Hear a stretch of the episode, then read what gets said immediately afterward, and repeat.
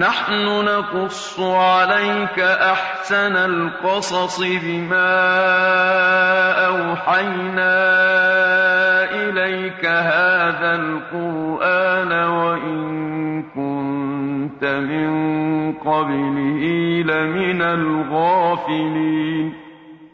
أحمد الله رب العالمين حمد عباده الشاكرين الذاكرين وأصلي وأسلم على سيدنا رسول الله صلى الله عليه وسلم أحبتي في الله أحييكم بتحية الإسلام أينما كنتم في أرض الله فالسلام عليكم ورحمة الله تعالى وبركاته وبعد.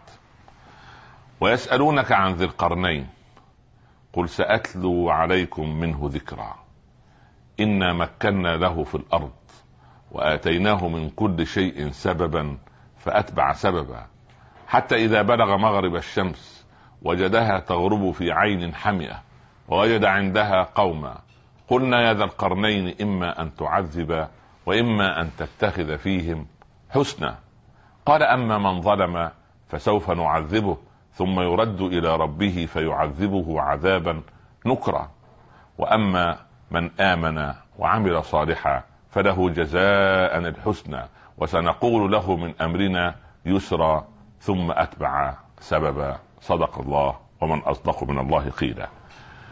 قال أهل العلم ملك الدنيا مؤمنان وكافران. أما المؤمنان فذو القرنين وسليمان والكافران هما النمروذ ووقت نصر. على كل اليوم مع ذي القرنين. هذا الإنسان العجيب الذي ملكه الله مشرق الأرض ومغربها وآتاه رب العباد من كل شيء سبب ولكنه اتبع الأسباب يعني قام بعمل صالح. الإيمان ليس بالتمني ليس الإيمان بالتمني ولكن ما وقر في القلب وصدقه العمل. يعني أنا أسمع منك أن تقول لا إله إلا الله عظيم. وأن تشهد لله بالوحدانية وللرسول بالرسالة وبصحة هذا الدين وأنه من رب العالمين. لكن لما لم لا أرى عليك هذا في سلوكك أراك تكذب وتقبل الرشوة وتنافق وتطعن الناس في ظهورهم وتخوض في أعراض الناس وتأكل من الحرام ولا تصلي. ماذا أقول أنا؟ طيب بلاش ناهيك مني أنا. لو وجدت إنسانا غير مسلم وأردنا أن نحببه في الإسلام سوف يسألنا سؤالا. أي إسلام تريدون؟ إسلام فلان زميلي في المصلحة الذي يشرب ويصنع كذا ويكذب و إلى آخره؟ فاذا هذه خطيرة.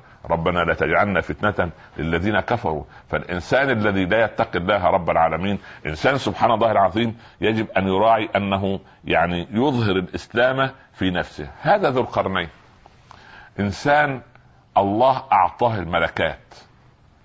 ويعني ذهب من ضمن ما ذهب إلى قوم لا يكادون يفقهون قولا قالوا يا ذا القرنين إن يأجوج ومأجوج مفسدون في الأرض. ويأجوج ومأجوج هو من ضمن علامات الساعة الكبرى الستة. عندنا ست علامات كبرى. هذه العلامات الكبرى إنما تظهر بطلوع الشمس من مغربها ثم الدابة ثم الدخان وارتقب يوم تأتي السماء بدخان مبين. هذا ال ال هذه العلامة الثالثة ثم ظهور المسيح الدجال ثم ظهور يأجوج ومأجوج وقبل ذلك نزول المسيح عليه وعلى نبينا الصلاه والسلام دي علامات الساعة الست وإذا ظهرت إحداها وأولها تقريبا والله أعلم آه، ظهور الشمس من آه، طلوع الشمس من مغربها إذا طلعت الشمس من مغربها توقفت الأعمال يعني لا تصلح توبة. يوم تاتي بعض آيات ربك لم تكن تنفع نفسا إيمانها لم تكن آمنت من قبل أو كسبت في إيمانها خيرا. يعني يوم ما تطلع الشمس من الغرب اللي عايز يتوب ما ينفع توبته. انتهى الأمر. وتأتي الدبة لتختم وجه المؤمن بعصا موسى وتلمس وجه الكافر بخاتم سليمان. فيسود وجه هذا ويبيض وجه هذا ده على وجه هذا من النور والثاني عليه غبرة فيتعامل الناس بيا مؤمن ويا كافر وتنتهي الأسماء. وهذه قصة لها أحاديث أخرى في مجالات أخرى إن شاء الله. لكن أريد أن أقول أن ذي إن ذا إن ذي آه، القرنين آتاه الله من كل شيء سببا فأتبع سببا وقصة ذي القرنين تستطيع أن تأخذ منها عبرة عاملين زي إحنا العرب كده منتظرين المتحضرين من الغرب أن يأتوا لنا بالخبراء وبالآلات وعشان يعملوا لنا قناطر على السدود فنحجز بيننا وبين الفيضانات ويعملوا لنا الطاقات ولماذا؟ وأبناؤنا الذين يدرسون في الجامعات. هل العقل العربي والعقل المسلم أقل من العقل الغربي؟ طب لماذا؟ بالعكس العقول متساوية. لا أعقل منا بفضل الله. يعني ليس هذا غرورا ولكن أنا أثق في أبنائنا وبناتنا. أمال الولد بتاع الثانوي العام اللي بيجيب 100% ده؟ طب ده مش نستفيد منه؟ الولد الصغير اللي عنده عشر سنوات وحفظ القرآن ده في هذا السن ألا نستفيد من هذا؟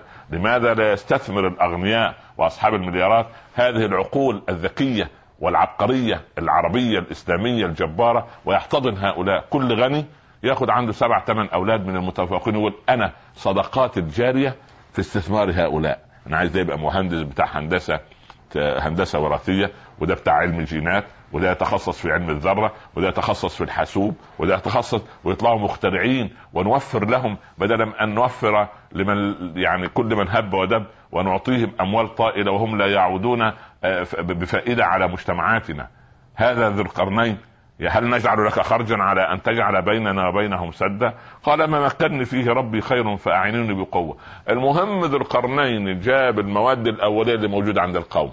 وجعل القوم يعملون. يعني إحنا عندنا المواد الأولية وعندنا الخبرات وعندنا المتخصصين ومنتظرين الخبير الأجنبي. هذه عقدة عقدة المغلوب بالغالب وعقدة ال ال ال ال الذي يظن أنه ذليل بالعزيز ابدا والله ولله العزة ولرسوله وللمؤمنين. ولا تهنوا ولا تحزنوا. وأنتم الأعلون. اذا القضية أن نأخذ من قصة ذي القرنين أن إحنا عندنا الإمكانيات التي نستطيع أن نعملها وأن الإنسان لا يسود في هذا العالم إلا إذا كان عادلا إلا إذا كان فاضلا إلا إذا كان مقدما خيرا. نحن نسعد بكل يد تقدم للأمة خيرا وتصنع للأمة خيرا. يعني سبحان الله لما نرى أن بفضل الله سبحانه وتعالى أن أن أن أن كرم الله في أبنائنا وبناتنا وفي تفوقهم وفي حفظهم لكتاب الله ومحافظتهم على أوامر الله الناحية العلمية يجب أن نشحذ هممنا من معلمين ومعلمات وإدارات تعليمية وإدارات مؤسسات مؤسسية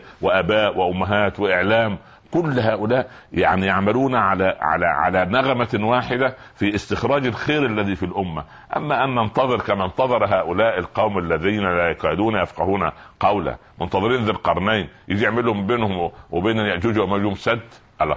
وطلع الإمكانيات عندهم وطلعت القوة البشرية موجودة عندهم لكن للأسف لم يستثمروها. طب ما إحنا عندنا القوة البشرية وعندنا القوة الذهنية وعندنا القوة الطاقة آه، قوة الطاقة. يعني عندنا الثروات التي فجرها لنا رب العباد.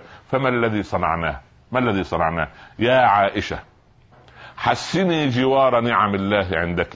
فما من قوم لم يحسنوا جوار نعم الله عندهم إلا وزالت عنهم ولن تعود إليهم مرة أخرى. إحنا عندنا نعم من الله كثيرة. لماذا لا نستفيد منها؟ عندنا نعمة الجو الجميل نعمة الطقس نعمة الحرارة نعمة الشمس آه، نعمة الطاقات المختلفة الثروات المعدنية اللي تحت الأرض.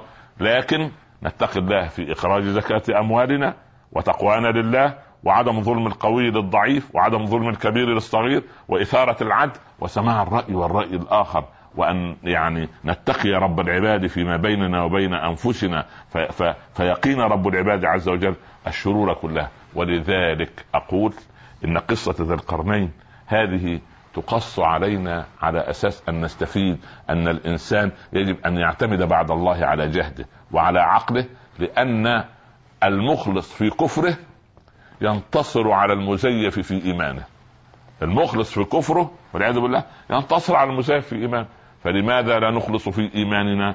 فقليل من الإخلاص كثير من العمل كثير من من الثقة بالنفس عندئذ سوف تحصل الأمة على كل خير إن شاء الله رب العالمين. لا أمة بعد أمة محمد ولا نبي بعد محمد صلى الله عليه وسلم ولا كتاب بعد القرآن ولا دين بعد الإسلام فنحن الأمة الخاتمة. فماذا قدمنا لهذا الدين؟ والسؤال الذي أطرحه في حلقة اليوم كي نستفيد من العبرة.